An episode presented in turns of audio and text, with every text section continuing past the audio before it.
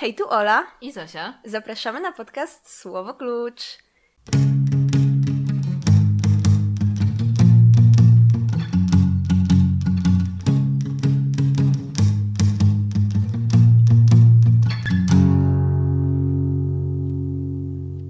W dzisiejszym odcinku porozmawiamy o książce pod tytułem Kocia Kołyska, która była skomiszonowana przez e, Tanię. Dziękujemy za commission. I zacznijmy od biografii autora. Wiem, że się tego nie spodziewaliście, o którym opowie nam Zosia. Ehem, ehem, ehem. Kurt Vonnegut. Będę mówiła Kurt, no bo tak jest mi wygodniej. Był amerykańskim pisarzem. Urodził się 11 listopada 1922 roku. Zwróćmy uwagę na tę wspaniałą datę. 111122. Świetna data. Urodził się w Indianapolis, w Indianie, USA. I urodził się jakby. To było dosyć smutne i trochę ciekawe, bo urodził się w bogatej rodzinie, która już nie była bogata, kiedy się urodził. Bo jego rodzice byli, znaczy zwłaszcza jego mama miała bardzo bogate, no, bogatą rodzinę i tak dalej. Jej rodzina miała jakąś. E, maj, no, majątek rodzinny uzyskali przez browar, przez posiadanie swoich breweries. I niestety, kiedy nastąpiła prohibicja, no to trochę upadł im ten biznes i jego rodzice, rodzice Vonneguta słabo to znosili. Jego ojciec według Vonneguta stał się takim wycofanym marzycielem, a jego mama no, zmagała się z depresją, trochę, trochę zaczęła nie lubić ojca, próbowała tam jakoś dorabiać, pisząc jakieś opowiadania, ale niezbyt jej to szło, no i ogólnie trochę, trochę smutno. Mimo to Vonnegut poszedł do Cornell na studia, do Cornell University, co jest chyba w Ivy League, jest tak, no. uniwersytet, no także no. I chciał, znaczy we, y, przez wpływ rodziny wybrał biochemię, mimo że niezbyt obchodziła go biochemia w ogóle. Mały Kurt był pacyfistą i to mu zostanie na stare lata. Był pacyfistą i od razu odkrył, że jest lepszy w pisaniu od większości innych osób. Mówił, że no każdy ma coś, w czym jest dobry, co przychodzi mu z łatwością. Mnie z łatwością przychodzi pisanie epickich opowiadań do gazety, znaczy nie opowiadań jeszcze, ale no artykułów. Został, pokonał po prostu zaciętą competition, konkurencję i został redaktorem naczelnym gazety w Cornell i świetnie się bawił na pewno.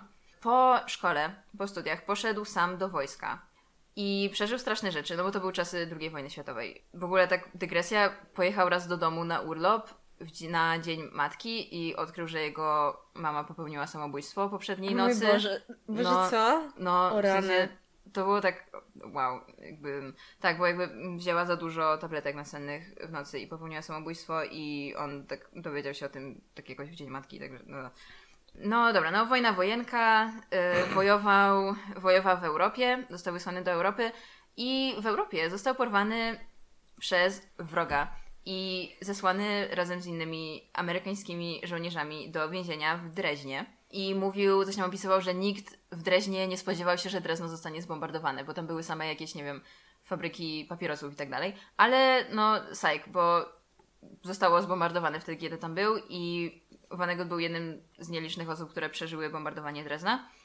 Po czym Sowieci pomogli mu dotrzeć do Francji, no a potem dostał się do USA, także wrócił, na, wrócił do swojej ojczyzny. I miał tylko 22 lata, kiedy to się skończyło, więc jakby miał chyba jakieś tak 20 lat, kiedy wstąpił do, jakby przeżył te wszystkie rzeczy, więc jakby no, no na pewno miał straszną traumę. E, w wieku 22 lat poślubił swoją dziewczynę z liceum, swoją high school sweetheart, Jane Marie Cox. W ogóle znali się od czasów przedszkola, to było takie też takie, takie cute. I przeprowadzili się razem do Chicago, gdzie oboje wstąpili na uniwersytet, um, ale kiedy Jane zaszła w ciążę, Jane no, przestała studiować, natomiast Vonnegut dalej sobie studiował, mimo że nie uzyskał tytułu, bo napisał jakąś pracę o, jakby nie uznali jego pracy. Napisał pracę na temat ghost dances, czy coś takiego, jakby e, jakieś takie praktyki, e, praktyki rdzennych Amerykanów i nie wiem, jego profesorom się to jakoś nie spodobało. A to dziwne. Jakby jak studiował jakąś antropologię w Ameryce, to nawet w latach 60. to brzmi jak coś, co nie? jakby nie miałoby problemu z tym, żeby pisał o praktykach ludności lokalnej. Nie wiem. Może to była słaba praca po prostu. Może właśnie, właśnie to brzmi jakby to po prostu była słaba praca. Nie wiadomo. W każdym razie po, po swojej przygodzie z uniwersytetem, z Academic Life, zaczął pracować w wielkiej firmie elektrycznej, General Electric, i jednocześnie zaczął publikować opowiadania e, w Colliers, w takiej gazecie. Aż w końcu tak dobrze mu szło, że rzucił pracę, przeprowadzili się całą rodziną do Cape Cod, malowniczego Cape Cod nad morzem, nad oceanem, sorry, w Massachusetts. E, tam opublikował w 1900... Boże, czyli to jest prawdziwe miasto. No. Wow. Jest tak malownicze, że aż trudno uwierzyć, ale nie no nie wiem, wiem tylko, że tam są jakieś muszelki, Cape Cod czy coś. Nie, bo po prostu w tej książce oni pojechali do Cape Cod i za każdym razem, kiedy to było mówione, że po, pojechaliśmy, do Cape, pojechaliśmy do Cape Cod, to tak byłam przekonana, że to po prostu jest jakieś fikcyjne miejsce. No, no, no. Nie, nie, ono jest właśnie jakieś takie słynne z tego, że jest takie, no powtórzę po raz trzeci, malownicze i nad oceanem i tak dalej. W 1952 roku publikuje swoją pierwszą powieść Player Piano.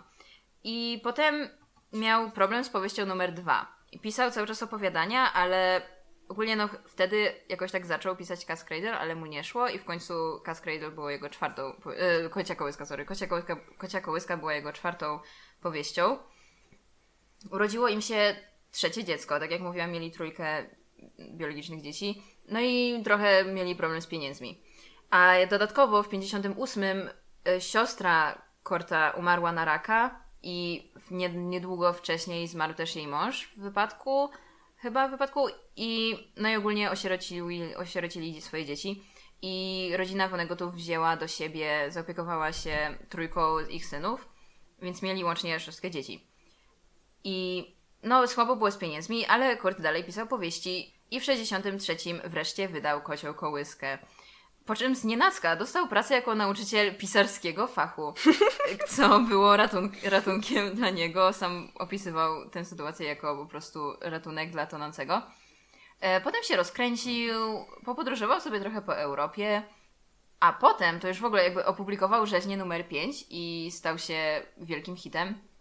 E, wszyscy go uznawali i tak dalej. Studenci kochali go za jego krytyczny stosunek do wojny w Wietnamie i do wojen w ogóle, co wtedy, jak wiemy, było powszechnym. No, studenci tam nie chcieli, żeby USA wojowało w Wietnamie i tak dalej. Ale jak uczą nas media społecznościowe, życie nigdy nie jest tak różowe, jak się wydaje. I w życiu Korta z jednej strony panowała sława, ale z drugiej strony panował rozwód z Jane a poza tym jego syn miał, jeden z jego synów, Mark, miał problemy, przeżył załamanie nerwowe i to pogorszyło depresję Woneguta i zaczął brać leki, a potem chodzić do psychologa. I trochę przystopował z pisaniem, ale w 79 poślubił Jill Cremans, e, fotografkę, i zaadoptowali razem córkę Lily, także miał już w sumie siódemkę dzieci. I on wtedy jakby pisał satyryczne powieści i one na początku nie były popularne, ale potem coś kliknęło i stały się popularne, także druga młodość, drugi rozkwit jego kariery. Jego ostatnia książka to był zbiór esejów, który opublikował w 2005 roku. W ogóle taka ciekawostka. E, on żart, bo z, niego był taki mały żartowniś i pewnego razu zażartował, że powinien, po, że powinien pozwać do sądu jakąś firmę e, papierosów, bo pali ich papierosy od, odkąd ma 13 lat i jeszcze nie umarł, a oni obiecywali na opakowaniach, że zabiją go. Widziałam dosłownie trzy różne wywiady z nim, kiedy mówił, że on pali od dzieciństwa. Też nie był z tego dumny. Możesz mieć inne cechy charakteru też. E, były też pewne kontrowersje, to tak z fun faktów, ciąg dalszy były pewne kontrowersje z rzeźnią numer 5, bo zatroskani rodzice bardzo chcieli po prostu ocenzurować tę książkę i wywalić ją z bibliotek szkolnych czy coś w tym stylu i wtedy jakaś organizacja jego imienia czy coś zaoferowała, że każdemu dziecku w tamtym mieście po prostu wyśle darmową kopię tej książki. Boże, musimy, musimy skancelować Tolkiena, żebyśmy dostały za darmo pierścieni. Jeszcze jakieś takie ładne wydanie z jakimiś ładnymi okładkami, może koniecznie. E, Vonnegut był ateistą, ale często mówił thank God, więc w sumie nie wiadomo do końca jak to z tym było. tak podawały moje źródła.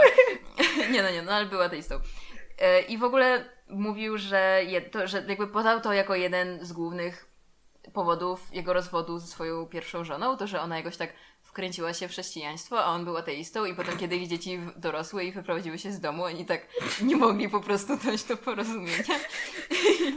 No ale no nie wiem, jak to do końca z tym było tak naprawdę. No i to koniec szaleństw Kortofona Guta. Umarł on w wieku 84 lat, także trochę sobie pożył.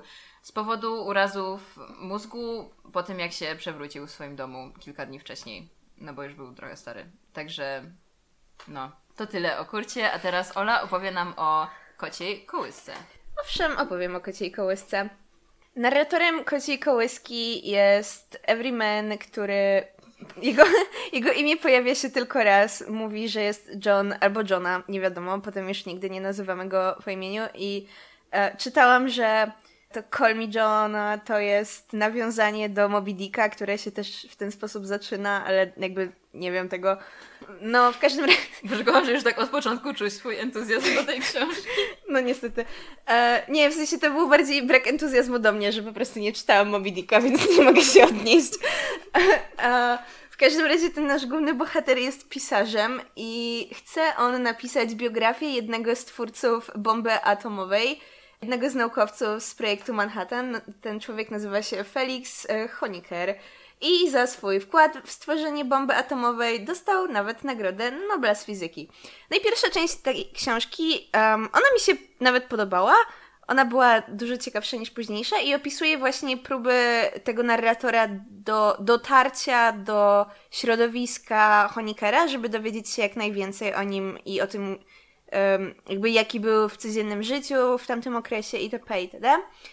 I Mm, mamy takie jakby backstory różnych bohaterów, dlatego że narrator udaje się do rodzinnego miasta Honikera, bo chce przeprowadzić wywiad z tymi bliskimi mu ludźmi. no i jakby może tylko rozmawiać z jego współpracownikami, jakimiś znajomymi i dziećmi, bo sam Honiker nie żyje. Mimo, że jest centralną postacią tej książki, on się nigdy nie pojawia, ponieważ umarł kilka lat przed wydarzeniami z powieści. No i e, mimo wszystko jednak dowiadujemy się o nim kilku rzeczy. Ogólnie dowiadujemy się, że był super mądry, że nie był człowiekiem, że nie miał żadnych emocji i że jego hobby to było związywanie sobie palców sznurkiem i pokazywanie tego innym ludziom. No i ogólnie tak prawie nic go nie obchodziło. Tak, tytuł, mm, tytuł książki, czyli Kocia Kołyska, bierze się od tego, że związał sobie palce sznurkiem i pokazywał swojemu dziecku i mówił, patrz, to jest kocia kołyska, a wtedy to dziecko było jak, tutaj nie ma ani kota, ani kołyski, o co ci chodzi, daj mi spokój. Ale to jest podobno jakieś takie, ja nigdy o tym nie słyszałam, ale to podobno jakby jest powszechne jakieś takie coś, jakaś taka rzecz, że ludzie to robią. Też o tym tak totalnie nigdy nie słyszałam. Nie, nie spotkałam wcześniej. um, w każdym razie e, jest e, Honecker zbyt zajęty byciem ojcem bomby atomowej, żeby być dobrym ojcem dla swoich dzieci. Także no trochę smutno, ale ogólnie no miał te dzieci, miał trójkę dzieci. Najstarsze z nich to 30-paroletnia Angela, która właściwie wychowała swoje rodzeństwo, dlatego że matka, żona Honikera umarła przy porodzie ostatniego syna. No więc mamy Angelę, Angela jest e, opisana jako nie za ładna, nie za sprytna, e, ale gra na klarnecie i to jest taka jej właśnie główna cecha osobowości. Ogólnie te postacie nie są jakieś bardzo wielowymiarowe i nie mają zbyt wielu cech osobowości. Także no Angela jest przeciętna, gra na klarnecie i ma atrakcyjnego męża. Kolejne dziecko to Frank. Frank ma 20 parę lat, jest e, dużo bystrzejszy od swojej siostry, jest uzdolniony technicznie, lubi robić modele, ale przeraża go odpowiedzialność i podejmowanie decyzji, co jest trochę słabe w obliczu tego, co przytrafi mu się w przyszłości, ale o tym później. Jak na razie na początku książki nie jesteśmy pewni, czy on żyje, e, być może nie żyje. E, najmłodszy syn e, Honikera to Newt, i on wydawał mi się. On, on miał taki potencjał być najciekawszą postacią tej książki. E, wyrzucili go ze studiów, do, poznaje. Znaczy tak, nikogo z tego rodzeństwa narrator nie poznaje. Nie udaje mu się spotkać żadnego z nich, kiedy szuka ludzi do materiału do książki, ale z Newtem nawiązuje korespondencję. I dowiadujemy się z tych listów, że wyrzucili go ze studiów um, że jest malarzem, że miał jakąś swoją dziewczynę. No jest ogólnie, widać, że jest inteligentny, jest sarkastyczny i taka ciekawa postać. Ale no niestety potem Vonnegut uznał, że jego jedynym charakterem będzie niedobry wzrostu i nie umiał pisać o czymkolwiek innym, ale na to będę narzekała później.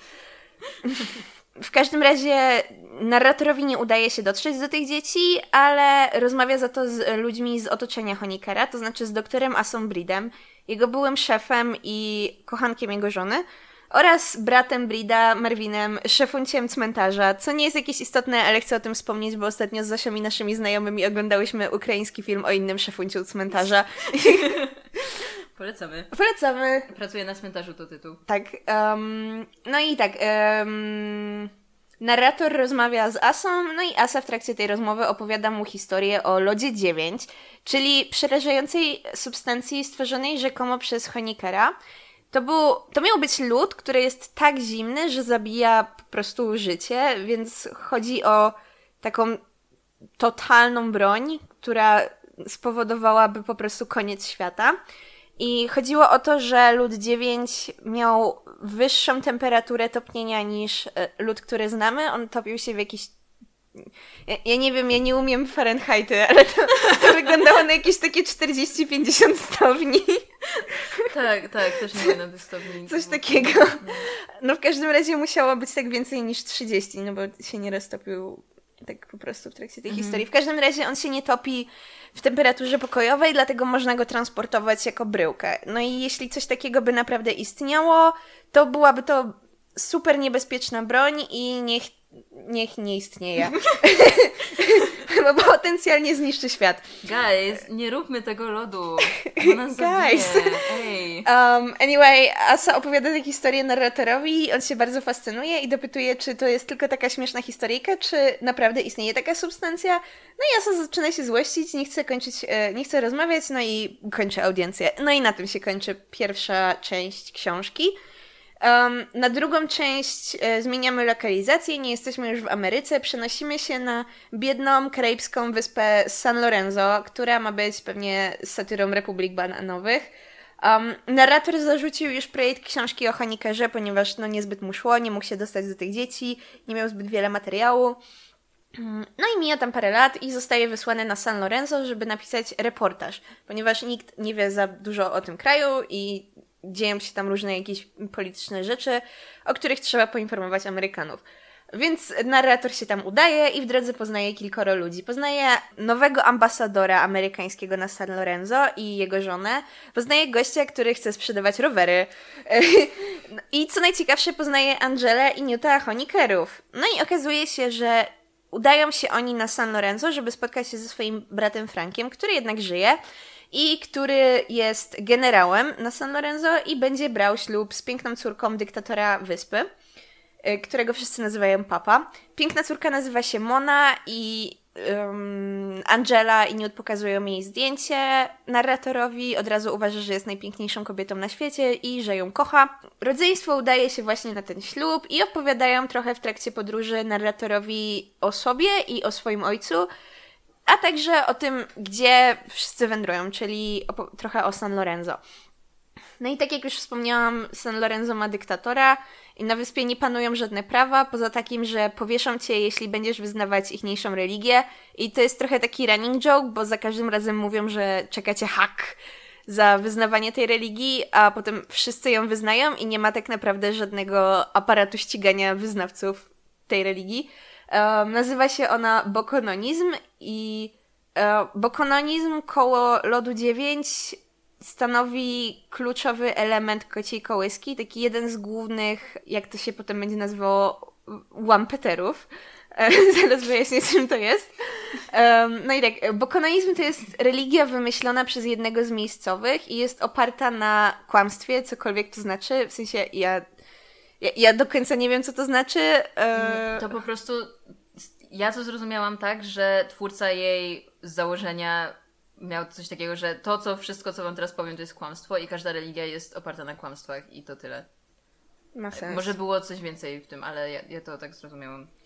Bo kononizm ma kilka takich kluczowych haseł yy, i Jedno z nich to FOMA, czyli użyteczne nieprawdy, które powodują, że ludzie czują się odważni, mili i szczęśliwi, czyli pewnie coś takiego jak na przykład mówisz dziecku, że jego obrazek jest bardzo ładny, czy coś, no nie wiem, pewnie o coś takiego chodzi, że jakby, nie, nie sam, że jakby no obiektywnie to nie ma jakiegoś takiego większego znaczenia, bo jakby celem ma być pogratulowanie dziecku, no nie, a nie mhm. wyrażenie swoich opinii.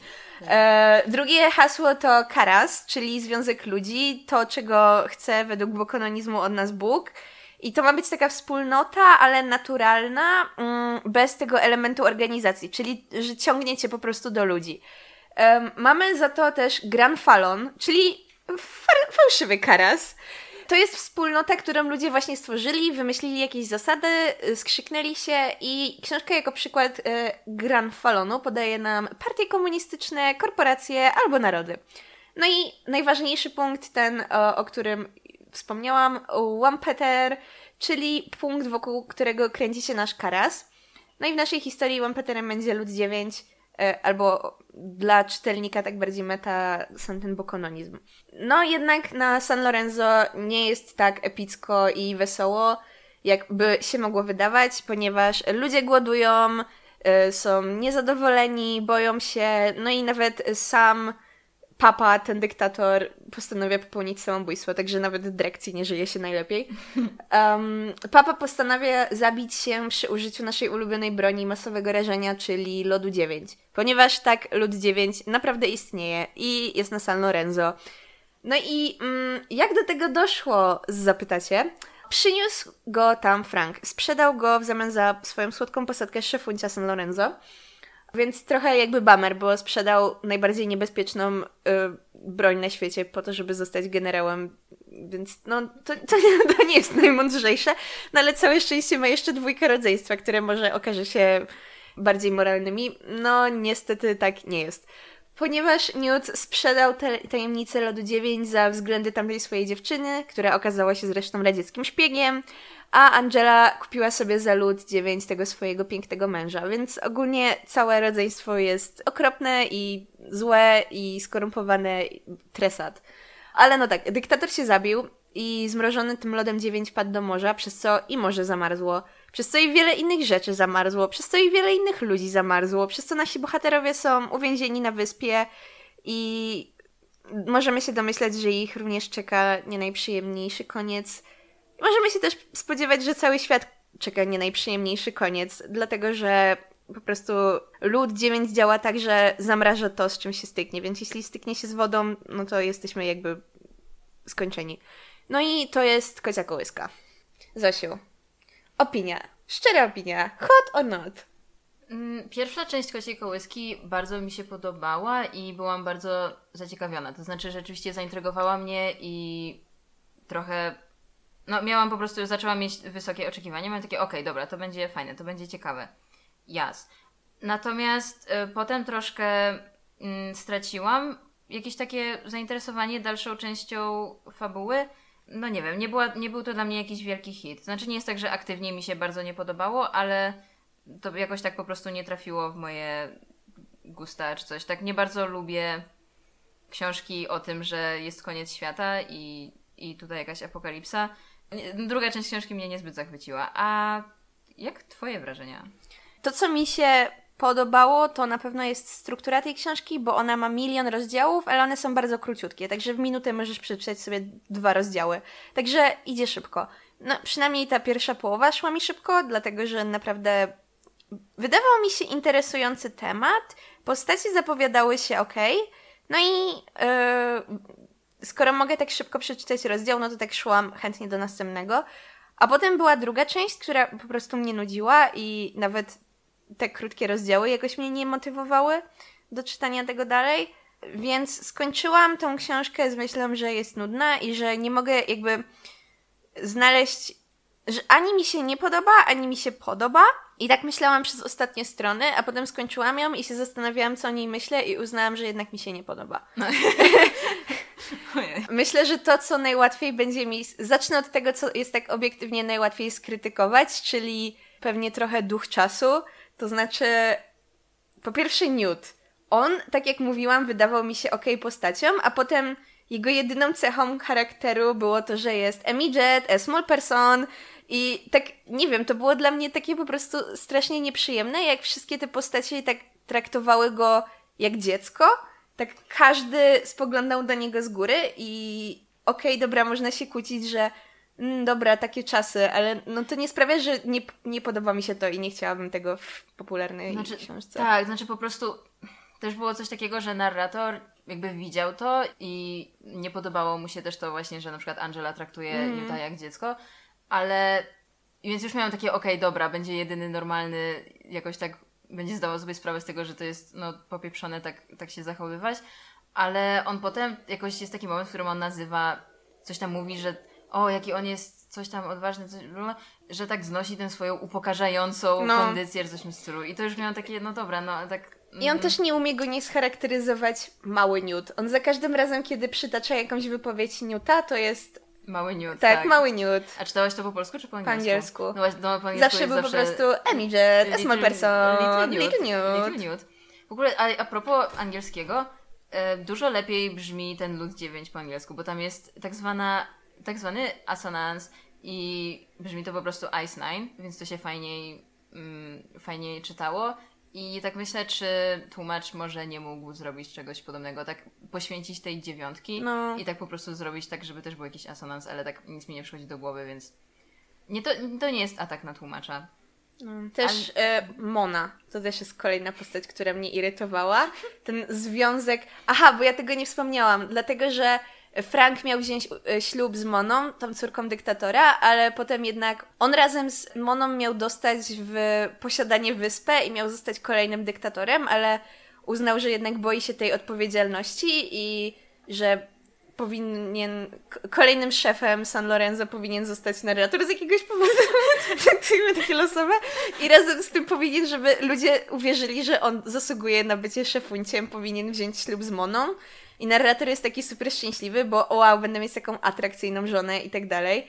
I nie wiem, w sensie ona była tak, ta postać była tak płaska, ona była w ogóle nie wiem, jak są zawsze na Tumblerze te żarty z mężczyzn, którzy nie umieją pisać romansów i tylko przedstawiają kobiety jako jakiś taki ładny obiekt, to tutaj dosłownie to była Mona. To, i tak jak Newt był zawsze charakteryzowany jako a small person, to to była zawsze beautiful Mona, Ona... która też nic nie robi w tej książce. Tak, sprawiła na mnie wrażenie połączenia tych dwóch zjawisk w popkulturze. Jedno zjawisko do tego Manic Pixie Dream Girl, a drugie takiego, takiej jakby dziewczyny Born Yesterday, która ma po prostu, która jest mega hot, po prostu ma seksowne ciało, ale taki umysł dziecka tak. i jest po prostu taka bardzo, mhm. tak po prostu jakby, jakby no urwała się z choinki wczoraj i tak nie ogarnia jakichś spraw i tak dalej, jest właśnie jakaś taka dziecinna, ale, ale mega seksowna. Tak, I to była Mona. To, I to właśnie była Mona i to, no, to było takie... Mm. Ale miała moment swojego gerbosowania, bo w jednym momencie była gerbosem, to mi się bardzo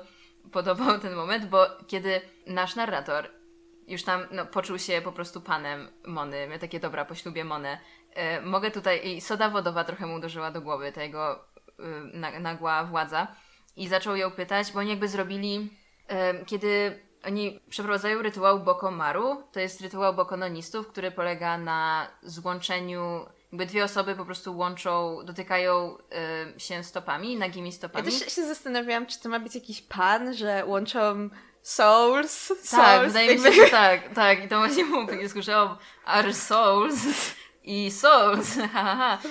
no to kiedy dokonują tego rytuału i po prostu czują się świetnie, bo ich dusze się łączą w ten sposób poprzez ich stopy, to narrator zaczyna tak pytać, o, robiłaś to już kiedyś e, z kimś innym? Co, co, no. I no tak, tak, robię to ze wszystkimi, coś tam, jakby to jest, y, bo Konon nakazuje kochać wszystkich ludzi jednakowo i tak dalej, więc to po prostu, że ona, to on zaczyna jej zabraniać tego, mówi, że y, z tym gościem masz już więcej nie dotykać się stopami i z tym gościem też nie, i z tym gościem też nie i w ogóle nikt inny, jakby ma, masz kochać tylko mnie od tej pory, jeżeli mam być twoim mężem i, i ona mówi nie i on mówi, jak, ale jak to nie? One takie, no nie wyjdę za ciebie, bo bo nie, bo, bo Conan nakazuje kochać wszystkich jednakowo czy coś i on wtedy ma takie, a okej. Okay.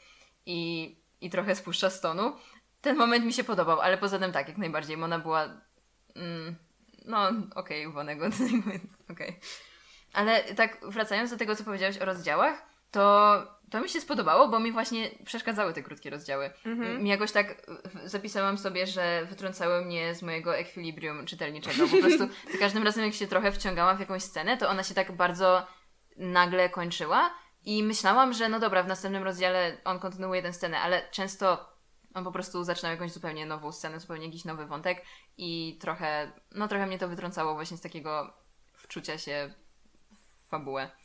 E, dobra, i teraz powiem tak bardziej rzeczy konkretniejsze, które sprawiają, że nie podobała mi się ta książka, bo ogólnie, kiedy to czytałam i coś mnie nudziło i wydawało mi się bezsensowne, to myślałam, że po prostu tego nie rozumiem. A potem doszłam do wniosku, że on wcale nie jest aż takim dobrym i inteligentnym pisarzem, żeby to naprawdę było, że tego nie rozumiem, po prostu mi się to nie podoba, bo najbardziej chyba irytowało mnie to, że yy, to miała być kontrowersyjna książka, jakieś jego... I on porusza takie tematy, które naprawdę mogą być kontrowersyjne, no yy, wojna totalna, religia, czy jest sens mieć religię, ale w ogóle nie daje swoich konkretniejszych opinii na ten temat, to znaczy tak prawie w ogóle nie mogłam wyczuć, co on myśli na ten temat i jakieś, nie wiem, na tym moim e-booku były te takie pierwsze recenzje z jakiegoś Newsweeka czy coś takiego, że in-depth, przemyślenia po prostu najgłębsze myśli Woneguta. Ja myślę, że bardziej głębokie przemyślenia napisałabyś mi w SMS-ie niż on przez całą tą książkę. To był taki niewykorzystany potencjał. On prawie prawie nic nie mówi takiego swojego, może łącznie by były dwie strony jego opinii. Mm, ale to pochy pochylmy się nad tym. Nie, bo mnie się wydaje, że znaczy przynajmniej takie odniosłam wrażenie, czytając, że całkiem sporo napisał, znaczy tam jest sporo cytatów w książce z tej księgi Bokonona, czyli tej, no, tej świętej księgi, ten, którą napisał Bokonon. W ogóle to, co mi się podobało tak na marginesie, to to, że kiedy zaczynamy książkę, on w ogóle od początku mówi o tym bokononizmie i tak dalej, to ma się wrażenie, że, przynajmniej ja miałam takie wrażenie, że ła, że to jest jakaś, jakaś po prostu, jacyś mędrcy to kiedyś napisali i to, to, to. A potem pod koniec książki okazuje się, że no Bokonon to po prostu był jakiś taki randomowy gościu, który to wszystko wymyślił i tak dalej i to było takie jakby um, disillusionment i to mi się spodobało. W każdym razie on daje tam całkiem sporo tych cytatów i znaczy to, co mi się nie podobało, to były te jakieś takie wierszyki, te jakieś takie... Boże, no to były takie głupie. To, to były jakieś takie... Nie wiem, czy to miała być parodia psalmów, czy z Biblii może, czy po prostu jakieś takie, takie po prostu wierszyki, które Bokonon napisał i one wszystkie co do jednego były jakieś takie nie wiem, tak strasznie mnie irytowały. No, takie, one były takie infantylne, ale takie tak, do przesady. Tak, takie infantylne do przesady. Że to no, nie no. było jakby satyryczne dla mnie, tylko takie męczące. Tak, tak, to tutaj... Znaczy, w ogóle, o Jezus, satyra. Ja nie... Ja, ja nie uważam, że on jest naprawdę jakimś satyrystą pokolenia. To w ogóle nie śmieszy mnie jego poczucie humoru. Ono nie jest, ono nie jest deadpan, ono po prostu mnie nudziło. Mhm. I myślę, że żeby być satyrystą, to trzeba e, przedstawiać wyraźnie swoją opinię na jakiś temat, a nie się wyśmiewać z czegoś. Tak moim zdaniem to nie jest. To nie jest. Tak? To nie, to ja, ja, bym ja tak bym nie trochę, powiedziała. Ja bym się trochę kłóciła. Znaczy, no satyra to znaczy, no na pewno jest coś więcej niż tylko wyśmiewanie się z czegoś, no ale no tak deep down, no to jest wyśmiew, jakby baza, moim zdaniem, to jest wyśmiewanie. Tak, nie wiem, ta książka jest dla mnie taka pozbawiona jakiejś refleksji, jego zdaniem. A znaczy, czy ona miała być satyrą? Tak. O, a okej, okay, dobra, to nie, to trochę mu coś może nie ten. Ale chyba się nie zgodzę z tobą, na, w, jeśli chodzi o jego brak opinii w tej książce, bo moim zdaniem można by wiele ich tu znaleźć.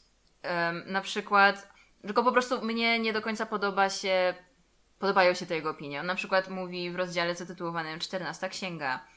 Um, mówi o 14 księdze, księgi, o 14 księdze Bokonona. Okay. E, bo ogólnie te księgi Bokonona są nieskończone i Tak, dopiero... bo one zawsze mogą być dopisane mhm. dalej, dlatego że Bokonon żyje, więc jakby pisze ciągle pisze te swoje no. wierszyki.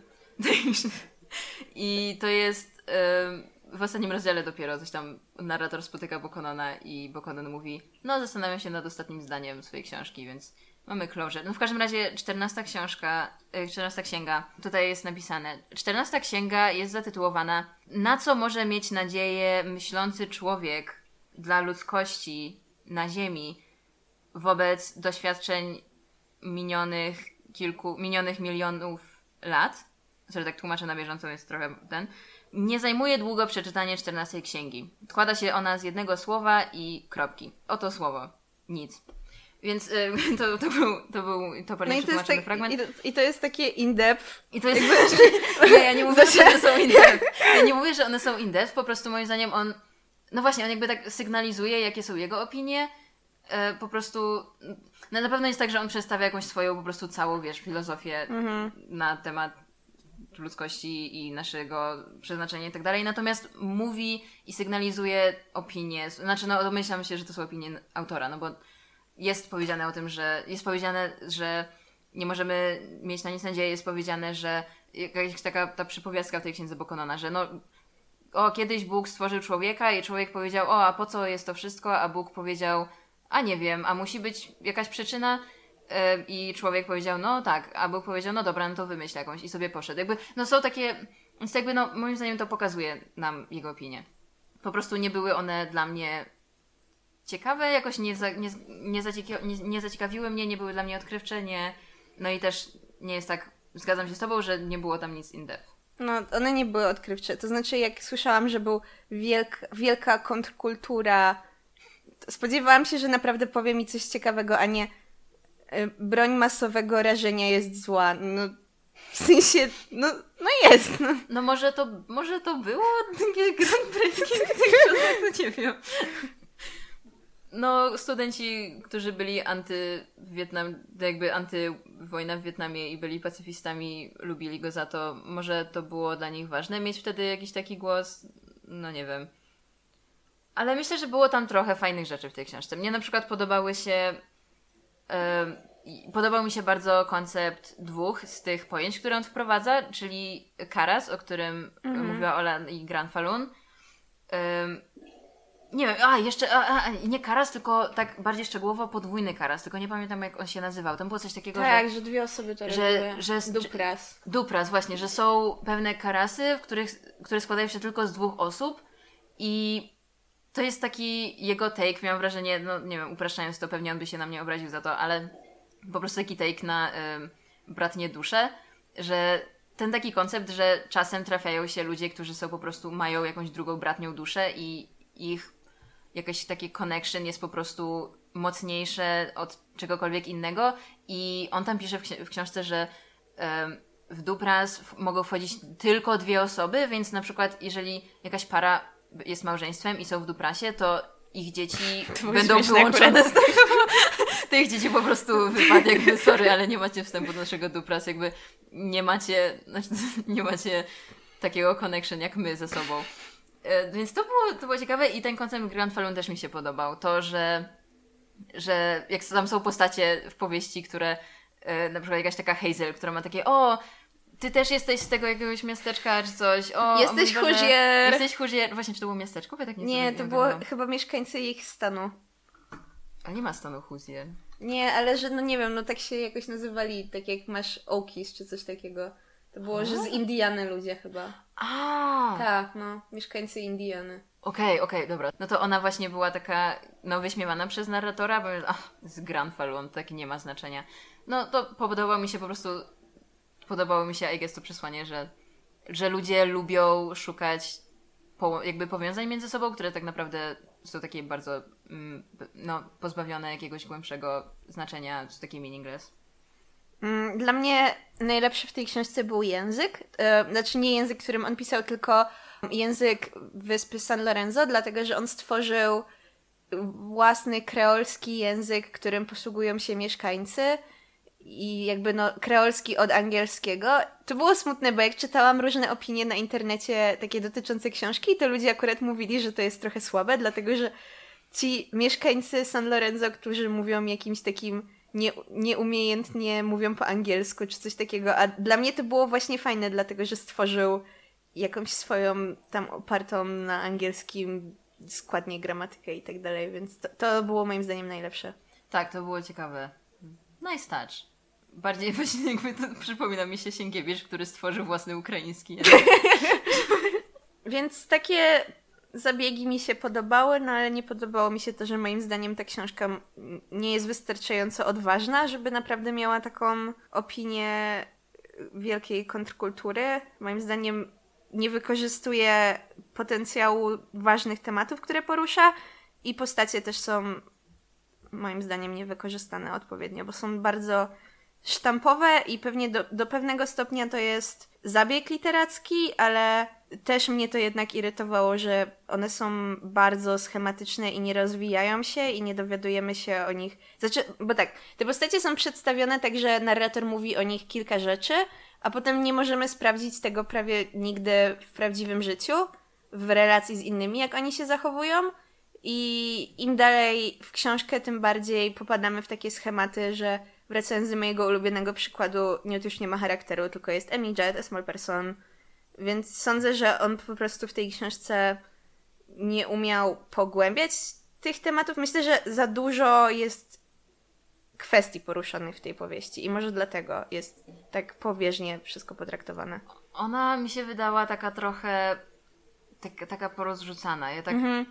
Tam jest tyle jakichś takich elementów, które mm, wydają mi się niezwiązane. Znaczy nie wiem, może jakbym była jakąś jego wielką fanką i tak czytała ją parę razy, to odkryłabym, że tak naprawdę wszystkie wątki i wszystkie poruszone tam wątki, elementy i tak dalej po prostu są powiązane ze sobą, tak jak kocia kołyska na palcach.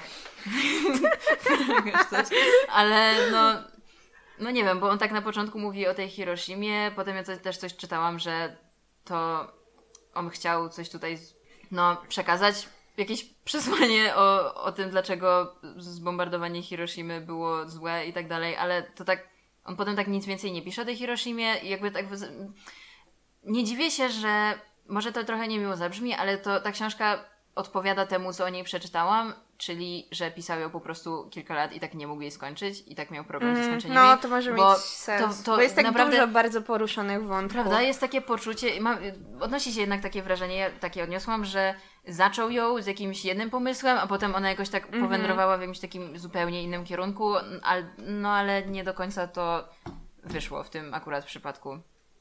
Ale była super, był super fragment, w którym jedna z postaci, jakaś taka starsza pani, e, członkini tego Duprasu, które, no było małżeństwo, które było właśnie Duprasem e, i pani Minton, pani Claire Minton była profesjonalną, jakby no robiła indeksy dla, o Boże, to było, to było, świetne. Okej, okay, tak, to prawda? było super. Nie wiem, jak się nazywa ten zawód, ale po prostu robiła indeksy innym ludziom w książkach. I, i, i, dowiadujemy się, że ona po prostu jest w stanie rozpoznać, ona jest w stanie dowiedzieć się wielu rzeczy na temat autora książki, po prostu czytając ich indeksy, bo ludzie bo ona tam krytykowała to, że ludzie często sami piszą indeksy do swoich książek, mimo że totalnie nie wiedzą, jak to robić. Właśnie, i powinni korzystać z usług profesjonalnego indeksiarza. Dokładnie, do, indeksiar, tak, ona tak, ona była indeksiarką i jako prawdziwa indeksiarka na przykład rozpoznała, że Philip Kasser, autor jakiejś książki, był gejem z tego, z tego indeksu, jaki, ze sposobów, w jaki zrobił indeks. I ja po prostu Tak, jeszcze to było całe takie, to było całe takie rozumowanie, że on kocha Monę i Mona kocha jego, ale no przecież to jest wyraźne, że on jest gejem. Dosłownie Queen. Tak, po prostu ona jest na innym poziomie ze swoim gejdarem. nie, nie dorastamy jej do pięt. Także tak ogólnie wydaje mi się, że miał ciekawe pomysły z tymi słówkami, które wprowadził, z tymi pojęciami typu Karas i Grand Falun i Boko Maru i tak dalej. Także myślę, że to była moja ulubiona część książki w sumie. Ale te wierszyki naprawdę... To... No, wierszyki były mocne. Do wycięcia. um, dobra, a moja opinia jest taka, że uważam, że nie jest to kontrowersyjna książka, tak jak mi ją reklamowano. Uważam, że nie można. Znaczy, uważam, że ja bym jej nie określiła jako kontrowersyjnej i że jest za dużo poruszonych wątków, żeby któryś mógł być faktycznie na, w przeciągu 300 stron potraktowany dogłębnie, ale podoba mi się jego. Podoba mi się przede wszystkim właśnie ten kreolski język i sam pomysł jest ciekawy na powieść. To znaczy tak, nie wiem, ten bokonizm nie wydaje mi się w ogóle ciekawym tematem. E, to mnie, ta, ta, religia mnie tak w ogóle nie obchodzi. Może gdyby on faktycznie bardziej był jak, bo religia jest niepotrzebna, religia jest bezsensowna, albo właśnie, bo religia, tylko dobra religia jest ważna. Jakby miał jakąś konkretną opinię, to Ale... by mnie to tak bardziej obchodziło, a jak to tak czytałam, tylko te, co, co chwila do tego wracamy, ale tak naprawdę ten cały temat mnie tak totalnie nie zainteresował, wydawał mi się po prostu jakiś nudny.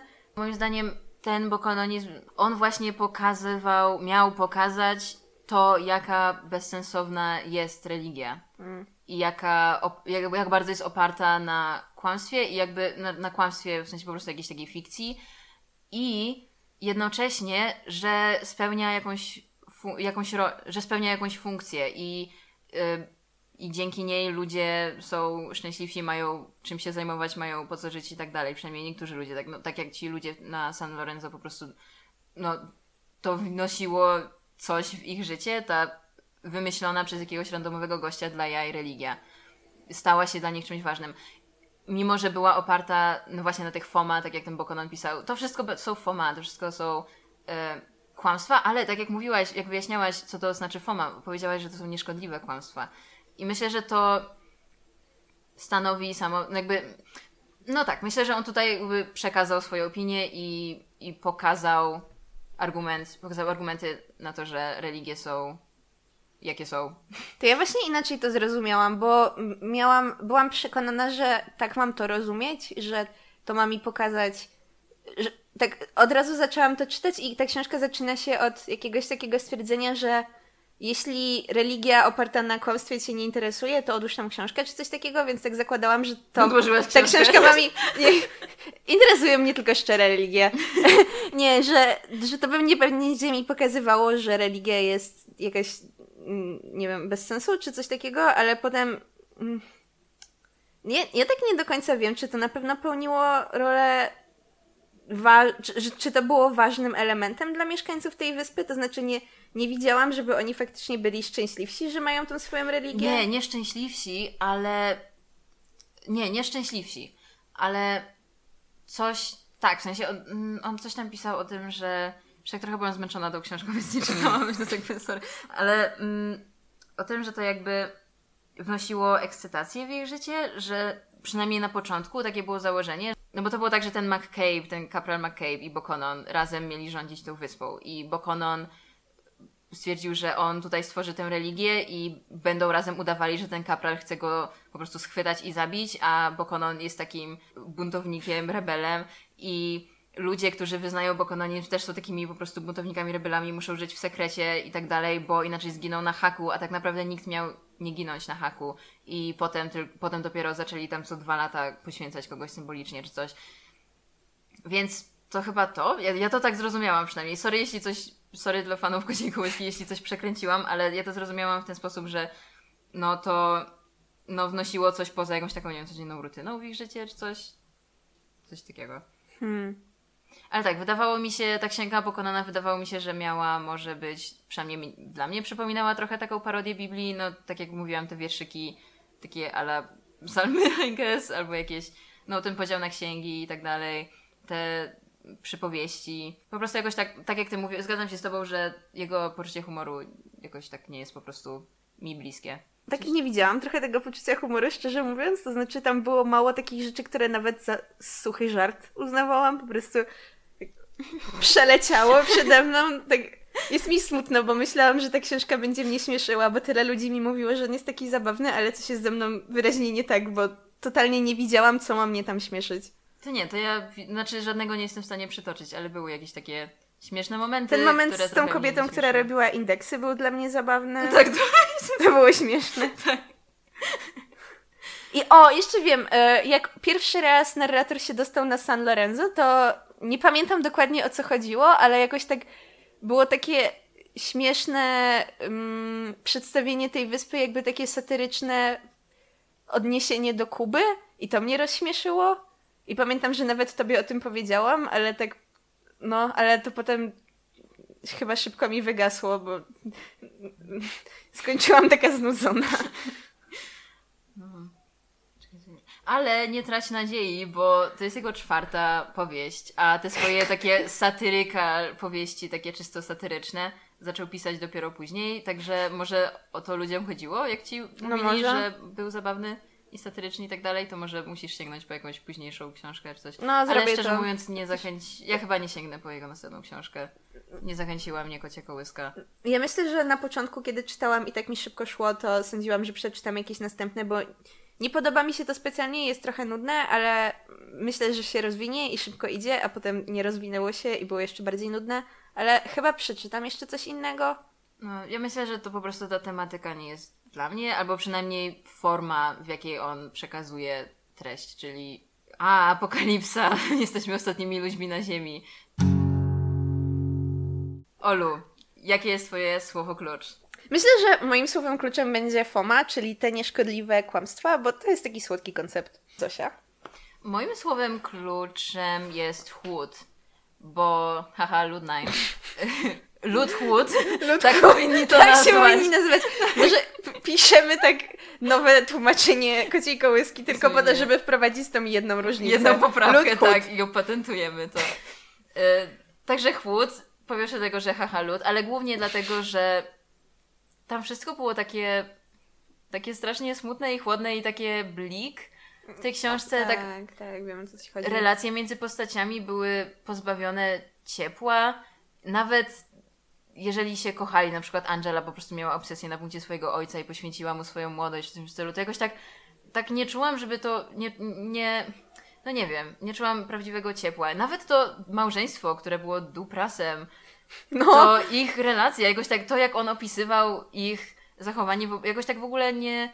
To taka stracona też szansa. To jest taki po prostu zarąbisty koncept i pokazanie jakiejś takiej dogłębnego po prostu porozumienia, dogłębnej bliskości, miłości między dwoma ludźmi, a on tak w ogóle tego nie zrobił, a przynajmniej nie w jakiś taki sposób, który ja mogłabym dostrzec. No bo Także właśnie no. on tak hasłami określał te postacie, że Mhm. to małżeństwo ma dupres i tak dalej, ale nie, tak nie pogłębia tego, tak, więc... nie było tego widać w ich Że cecha charakteru No. e, Angeli kocha swojego ojca, ale potem nie widać Jedyne, tego. co robi, to po prostu mówi o No. tym. czy Coś. Tak, także, także po prostu chłód, który tak bił o tej książki. I też chłód tej jego... Chłód Vonnegut. chłód Vonnegut. Kurt Vonnegut. Chłód chłód, Vonnegut. chłód y, filozofii, znaczy filozofii, chłód tych jego opinii, które przekazywał. Po prostu to taka, to taka depresyjna, pesymistyczna wizja ludzkości i świata, która jest mi bardzo daleka i z którą się nie zgadzam i której nie lubię czytać. I... No, także tak, chłód. No dobra, to tyle To na dzisiaj. Przepraszamy bardzo Tak, bo... Tanię, która chciała, żebyśmy przeczytały tę książkę. To takie nasze gusta po prostu. Myślę, że mnie to wzbogaciło, bo wreszcie przeczytałam kogoś, kto jest bardzo sławny i o którym słyszałam dużo, więc przynajmniej znam już jego twórczość trochę. Mhm. Dobra, to tyle na dzisiaj. Mamy nadzieję, że Wam się podobało nasze marudzenie. Tak, Zwłaszcza sorry. moje, przepraszam. Em, jeśli tak, polećcie nas znajomym i... O, jeszcze chciałam powiedzieć, bo powstał blog naszego podcastu, nazywa się, uwaga, uwaga, słowo klucz, podcast.blog, więc możecie sobie otworzyć i zobaczyć. E, I jeśli Wam się podobało, to powiedzcie o nas znajomym. Do usłyszenia. Do usłyszenia.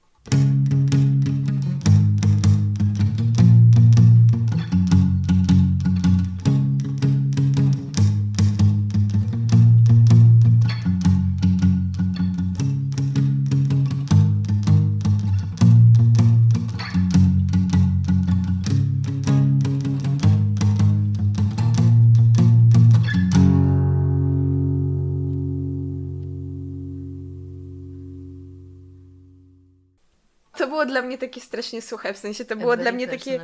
to- Okej, no no. To oni mówili jak Busy, busy, busy. Tak, jak, jak, że coś tam typowa rzecz, którą mówią bokononiści, kiedy życie po prostu się toczy. Busy, busy, busy.